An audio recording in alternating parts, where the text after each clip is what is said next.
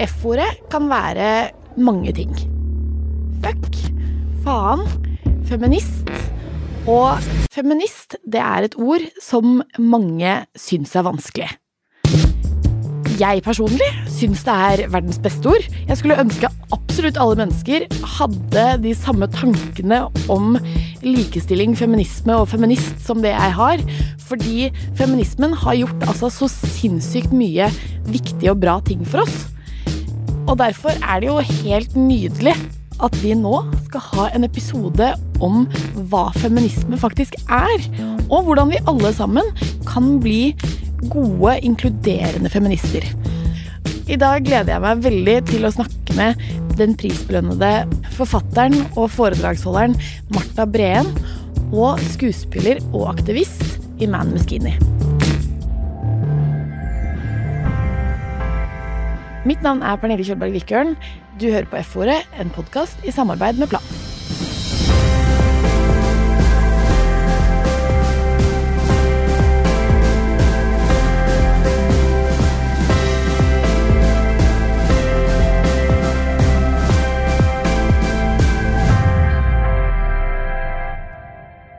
Marta Breen, velkommen til F-ordet. Tusen takk.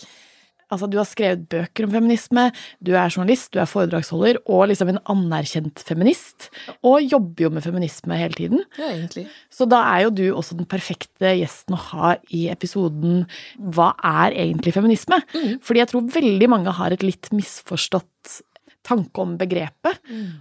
Og litt sånn Hva er historien til feministene og feminismen? Hva har vi fått til? på Ja. et vis? Så vi kan jo bare begynne egentlig rett på. Mm. Hva er egentlig feminisme? Jeg pleier å definere feminisme som kampen mot kjønnsdiskriminering. Rett og slett. Altså, hvis du er feminist, så vil du ikke at eh, kjønn skal begrense deg i livet. Nei. Og gjennom historien så har det jo stort sett vært kvinner som har blitt begrensa av kjønn. Eh, derfor så har dette ordet en sånn feminin klang, da. Men jeg mener jo at det kan dekke andre typer diskriminering også, ikke sant. Og også, menn kan også bli diskriminert på grunn av kjønn i visse tilfeller, og det mener jeg er en del av den feministiske kampen. Men eh, både historisk og fremdeles, ikke minst på, i veldig mange andre land i dag, så er det jo kvinner som får høre at dette er stengt for deg fordi du er kvinne, og som har blitt utsatt for strengere regler på alle mulige måter. Ja, for jeg tror det er mange som tenker at eh, feminisme handler om at jenter skal først. Og det er jo bare det at eh, folk har problemer med ordet, som jeg tenker blir for dumt, da. Ja, det er jo litt synd, da, for det at eh, det er Hvis vi tenker på sånn ord da, og språk, så har jo vi kvinner måttet forholde oss til mannsord i, bestandig og måttet identifisere oss med det, ikke sant? Bare det at vi er mennesker Ja. og nordmenn. Men så er det jo et eller annet med det, ikke sant? fordi det kvinnelige og feminine ofte blir rangert lavere, så er det vanskelig for gutter og menn å, for, å, for, å knytte seg selv til noe feminint, fordi det på en måte blir sett på som svakhet. Så derfor så er det mange menn som, selv om de egentlig stå, har gode holdninger på dette feltet, så syns de at ordet feminist er vanskelig, og så sier de kan dere ikke heller kalle det humanisme eller bare likestilling. Ja. Og jeg tenker at humanisme og likestilling det er også fine begreper, men det betyr ikke det samme som feminisme. Vi trenger ordet feminist for å markere hvordan dette størrelsesforholdet er i forhold til kjønnsdiskriminering. Vi deler opp feminismen i bølger. Og den har en ganske lang historie. Det begynte på 1700-1800-tallet, og det handlet om juridiske rettigheter. F.eks. stemmeretten var kjempeviktig under første bølgen. Og så, på 60-70-tallet, så kom vi over i andre bølgen, og det handlet mer om en omveltning i kanskje litt mer det private og familiære. Fordi det handlet bl.a. om kampen mot vold i nære relasjoner. Det handlet om mye familiepolitikk, men også likelønn og retten til selvbestemt abort. Den tredje bølgen den startet rundt årtusenskiftet, og her ville man på en måte ha flere stemmer inn i feminismedebatten. For frem til nå så hadde feminismen blitt kritisert for å være mest for den vestlige middelklassen og for å være et heteroprosjekt. Men i den tredje bølgen så var individualisme og dyrkning av forskjelligheten veldig viktige trekk. I motsetning til bølge 1 og bølge 2 så samlet ikke folk seg i like stor grad bak én sak. Akkurat nå så er vi inne i den fjerde bølgen av feminisme. Og den handler bl.a. om interseksjonalitet og den store mobiliseringen rundt feminisme i sosiale medier, f.eks. metoo. Men det som skal sies, da, er at både tredje og fjerde bølge de glir litt inn i hverandre. Og Marta Breen hun omtaler tredje og fjerde bølge som én bølge. Som at vi fremdeles er i tredje bølgen. Martha, nå er vi jo inne i den fjerde bølgen av feminisme, der ordet interseksjonalitet er veldig sentralt. Men hva Jeg tror mange hører ordet interseksjonell, og så skjønner de ikke helt hva det betyr. Mm. Ordet kom jo også fra 70-tallet, så det har jo vært snakka om uh, lenge. Men så har vi jo fått uh, veldig mye mer mangfoldige samfunn på mange måter. Uh, den norske kvinnebevegelsen på 70-tallet var jo veldig hvit. Og lesbiske kvinner på 70-tallet, de følte at de blei litt sånn At de blei dårlig behandla, rett og slett. Mm. For det var jo Samfunnet var jo ganske bakpå. Mm. Og det gjaldt jo også feminister, ikke sant, på en del ting. Så har det skjedd masse på de årene. Vi har fått liksom Pride-festivalen, ikke sant. Og det har smelta sammen på en bedre måte, vil jeg si. Eh, og så har jo Tidligere så var jo liksom mange kvinner som har snakka om rasisme, men det har blitt sett på som en separat kamp. Men så begynte man med dette, altså begrepet interseksjonalisme. Det, det viser jo da at det, eh, folk er jo dobbelt undertrykt og trippelt undertrykt, ikke sant. Mm. Jeg, eh, i visse settinger, hvis jeg sitter som en kvinne rundt eh, et styrebord, og alle de andre er menn og kanskje litt eldre enn meg og sånn, så kan jo jeg oppleve en form for diskriminering diskriminering, noen mm. ganger da kanskje pga. kjønn. Men så kan det jo være en mørk mann der, da, som mm. opplever det på andre måter, og så kan det være en mørk kvinne som opplever begge de to formene, ikke sant. Og hvis du i tillegg sitter i rullestol, så kommer du deg ikke inn på trappa på styremøtet engang. Nei. Så. Det handler om på en måte det å se eh, at ja, du har en skal vi si, stein i skoen, noe mm. som trykker. Mm. Vi er kvinner. Mm. Og i veldig mange lag og settinger så er det på en måte Det er vårt minus, på en måte. Mm. Vi ble født som kvinner. Mm. Hvis du da i tillegg er født som svart kvinne eller lesbisk kvinne eller er transperson, så er man født med andre utfordringer enn bare det at du er kvinne. Så det er på en måte sånn hvor mange minus du har da, på ja, konto. Ja, ikke sant? Ja, ja. Så det er et veldig godt bilde du har der, og jeg pleier noen ganger å snakke om det også som sånne dører som åpner og lukker seg. Mm. Fordi det klassespørsmålet er også ganske viktig. Altså, hvis du liksom ser på livet som en sånn korridor, og så er det noen som opplever at de dørene stadig vekk lukker seg, og du må kjempe deg gjennom de. Det kan jo eksempel være ja, klassespørsmål, mm. eller noe av de andre eh, tingene vi snakker om.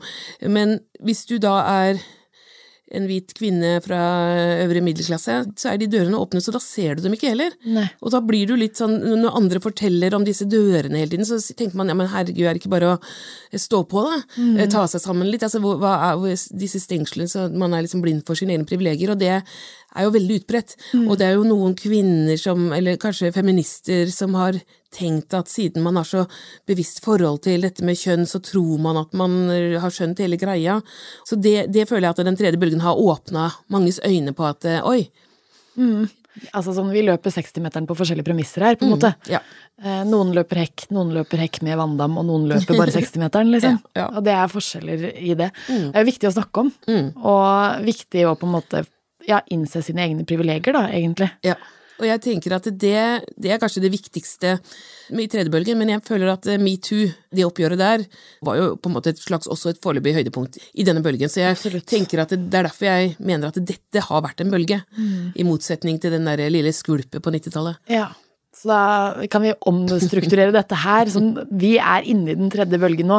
Ja, eller at vi kan si at den begynte på 90-tallet og ja, varer fremdeles. Varer fremdeles. Veldig mm. lang bølge. Mm.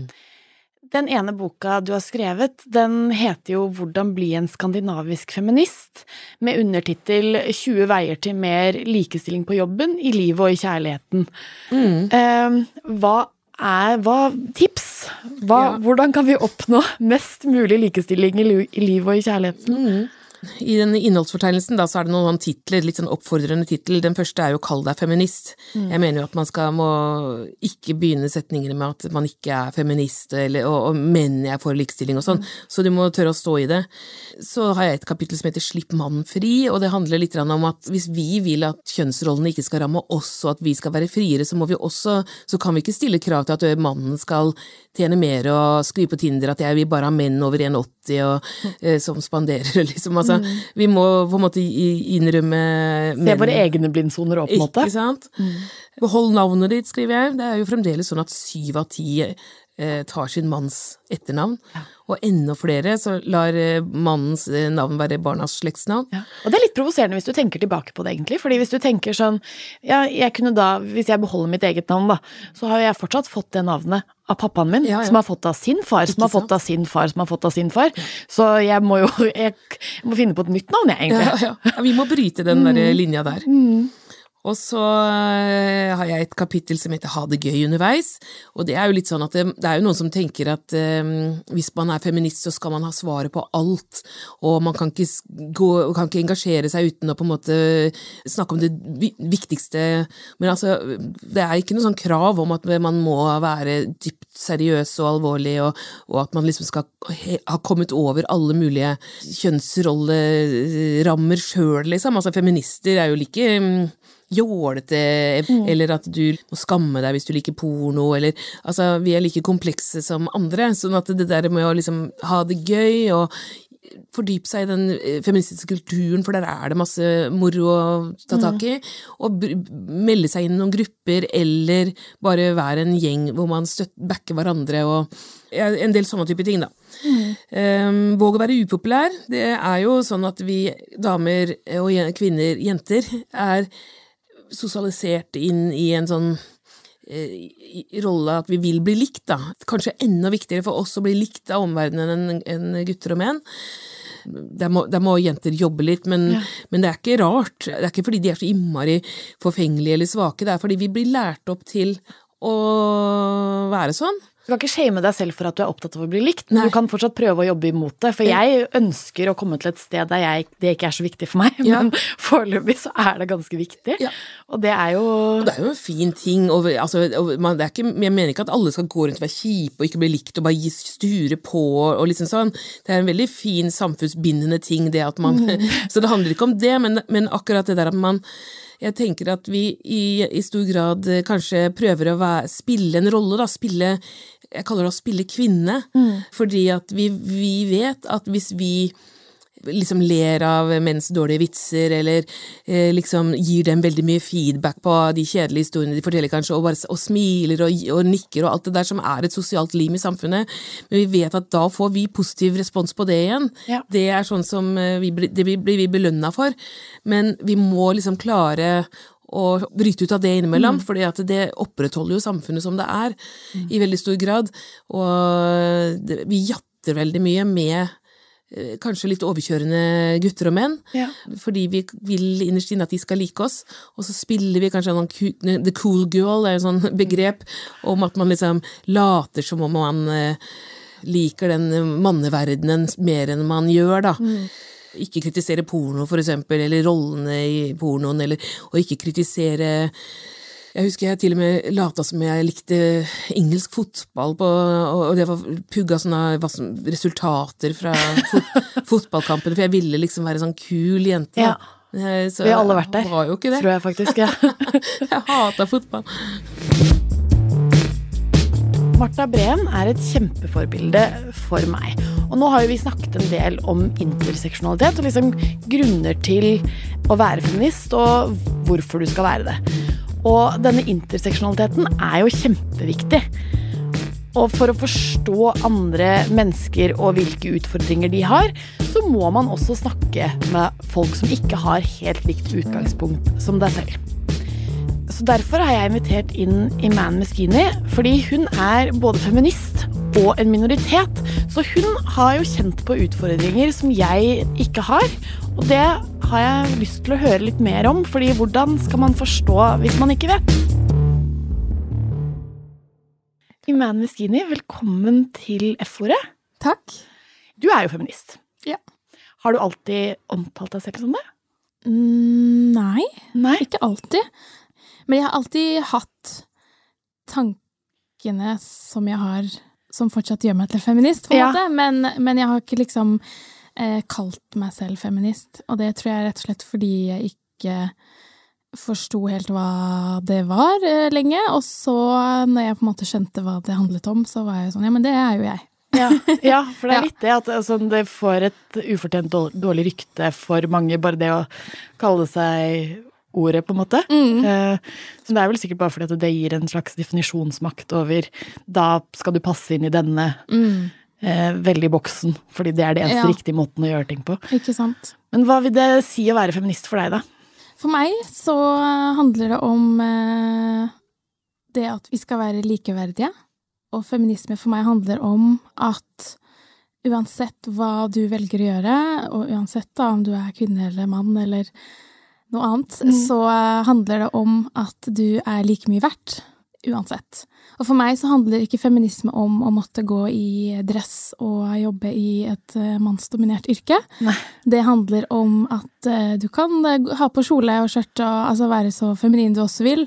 Og om du vil være hjemmeværende husmor, så skal du også få lov til det. Men det handler om å være like mye verdt, da. Uavhengig av hva du vil gjøre med ditt liv og ditt, din karriere, da.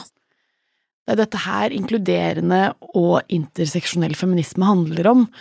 Og det er jo noe med det at du kan jo ikke bare være feminist på vegne av folk som ser ut og er og tar akkurat de samme valgene som det du gjør. Man må jo kjempe for like rettigheter for alle, uavhengig av utgangspunkt og privilegier. Eh, Jeg som ekstremt privilegert, kjempehvit blond, ganske høy, altså sånne Alle de tingene som på en måte gir privilegier som man ikke engang nødvendigvis er bevisst på når man har privilegier selv. Eh, og at det har vært liksom en kjempeviktig del av det for meg. Å faktisk se at sånn, min opplevelse av det å være kvinne er ikke lik som alle andres opplevelse. Og min opplevelse av det å være menneske er ikke det fordi jeg løper 60-meteren med et par hinder foran meg fordi at jeg er kvinne og jeg har strukturelle utfordringer. Men eh, jeg er jo for eksempel ikke en minoritet. Jeg er ikke skeiv. Jeg er ikke transperson. Eh, og det er jo ting som gir meg mindre hinder. For jeg er jo kjempeprivilegert. Og det å være bevisst på sine egne privilegier er dritviktig. Men det er ikke alltid like lett å vite, fordi man vet jo ikke før man vet, på en måte. Men det syns jeg er utrolig interessant, fordi det selv om jeg på en måte ble Eller begynte å kalle meg feminist, da, og så tenkte jo ikke jeg noe over det heller, for jeg har jo på en måte Hadde ikke visst, kjent noe annet enn å være, være minoritet, da, og være en muslimsk kvinne, og, og ha de begrensningene det kanskje ligger med det, da. Og så var jeg på utveksling i Jordan Ja. i et halvt år, og så ble jeg plutselig liksom en del av en majoritet. Og da husker jeg at det var en utrolig spesiell følelse. Ja, hvordan da? Å liksom kjenne på Nei, jeg husker jeg tenkte sånn Å ja, det er sånn det er. Det er sånn liksom majoriteten i Norge har det. Mm. Og så tenkte jeg bare sånn Ja, men så deilig følelse! og da tenkte jeg liksom bare Men da og, da og da tenkte jeg også at Men da har man jo heller ikke noe forutsetning for å nødvendigvis forstå hva det handler om å være noe annet, da. Mm. Så det er jo kult at du selv på en måte har jobbet aktivt for å bli bevisst Ja. på det, for det er jo da ikke en selvfølge. Nei, hva tenker du at liksom majoriteten bør være bevisst på? Jeg tenker jo, uten at man skal legge ansvar på alle, men jeg tror jo vi alle på en måte likevel har et ansvar eh, for å hele tiden gjøre det bedre for alle. Eh, og spesielt liksom i vårt eget samfunn. Så rett og slett bli bevisst på at ikke alle har det som en selv, som du sa, og at eh, ikke alle kvinner har den samme oppfattelsen av å være kvinne som meg, eller som menneske, eller Og det tror jeg også på en måte Jeg er veldig for at gjennom liksom dialog Mm. Og forståelse, så kan vi liksom skape et mer, mer tolerant samfunn, da. Mm. At vi bare forstår hverandre. Eller ikke nødvendigvis at vi må forstå hverandre, men at vi respekterer hverandre. Mm. Selv om vi ikke nødvendigvis forstår hverandre. Ja.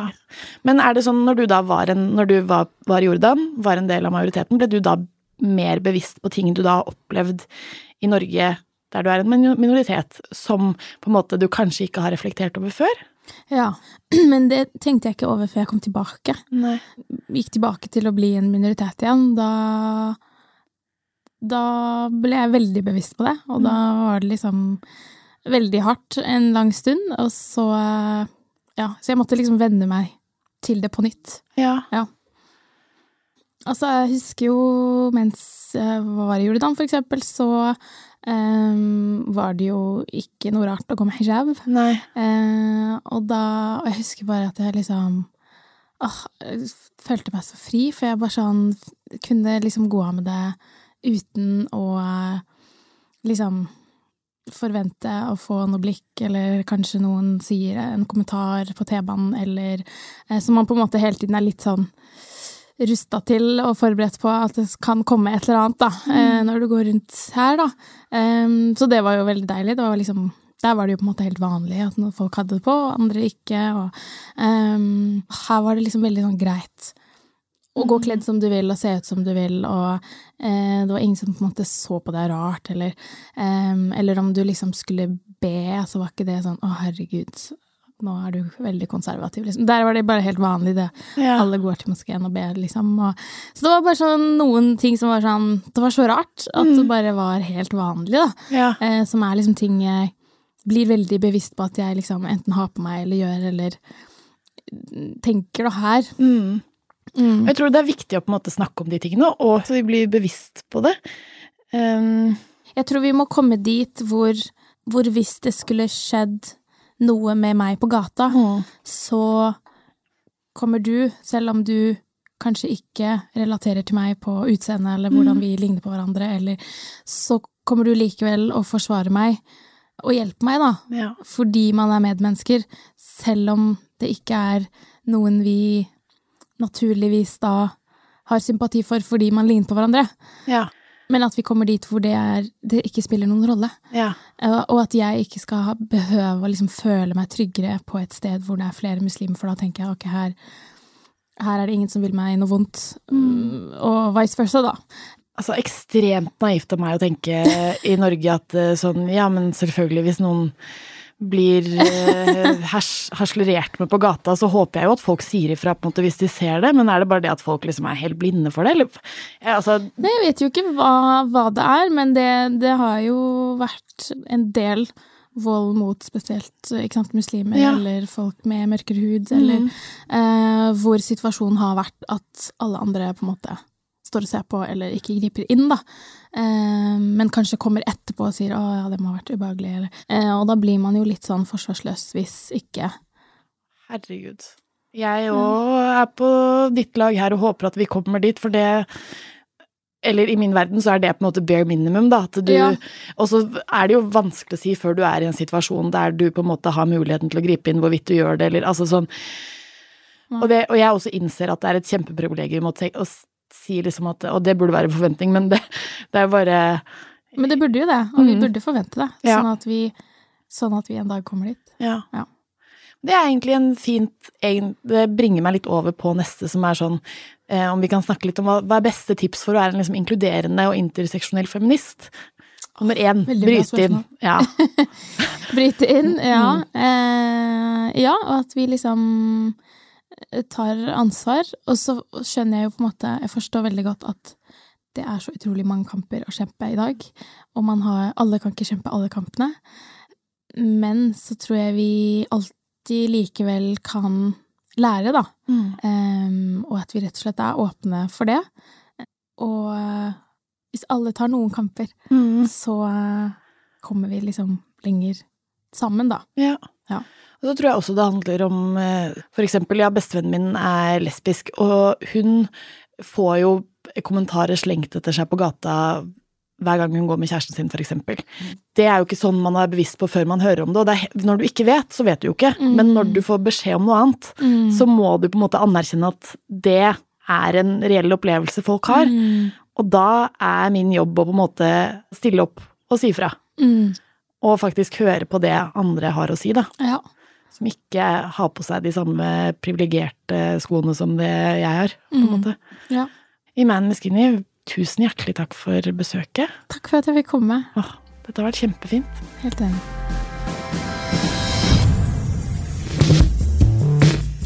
Feminisme det handler om likestilling for alle. Og det betyr jenter og gutter, mennesker med funksjonsvariasjoner, likestilling for mennesker uavhengig av religion, hudfarge eller seksualitet. Og det er jo dette interseksjonell feminisme handler om. Vi er nødt til å anerkjenne våre egne privilegier, sånn at vi også åpner øynene for mennesker som ikke er like privilegerte som oss selv. Meg, for eksempel. Jeg trenger ikke å være redd for slengbemerkninger eller truende oppførsel fordi jeg holder mennesket jeg er glad i, hånda, eller fordi jeg går ut med min egen hudfarge. Og vi kan alle sammen bli bedre til å si ifra når vi ser urett. Og hvis vi ser noen få slengbemerkninger etter seg, eller man ser en situasjon som virker truende, så er vi nødt til å gå bort og spørre om det går bra. Og hvis svaret er alt annet enn ja, så må vi bli der. Vi må støtte. Og vi må si fra til mennesker som er truende, at sånn Hva er det du driver med? Hvorfor sier du dette her? Og ja, det kan være sinnssykt ubehagelig å si fra. Men det er ganske mye mer ubehagelig å oppleve truende oppførsel eller slengbemerkninger på noe du ikke kan styre selv. Husk det, liksom. Og hvis du har den mentaliteten i deg, så blir det også litt lettere å si fra, tror jeg.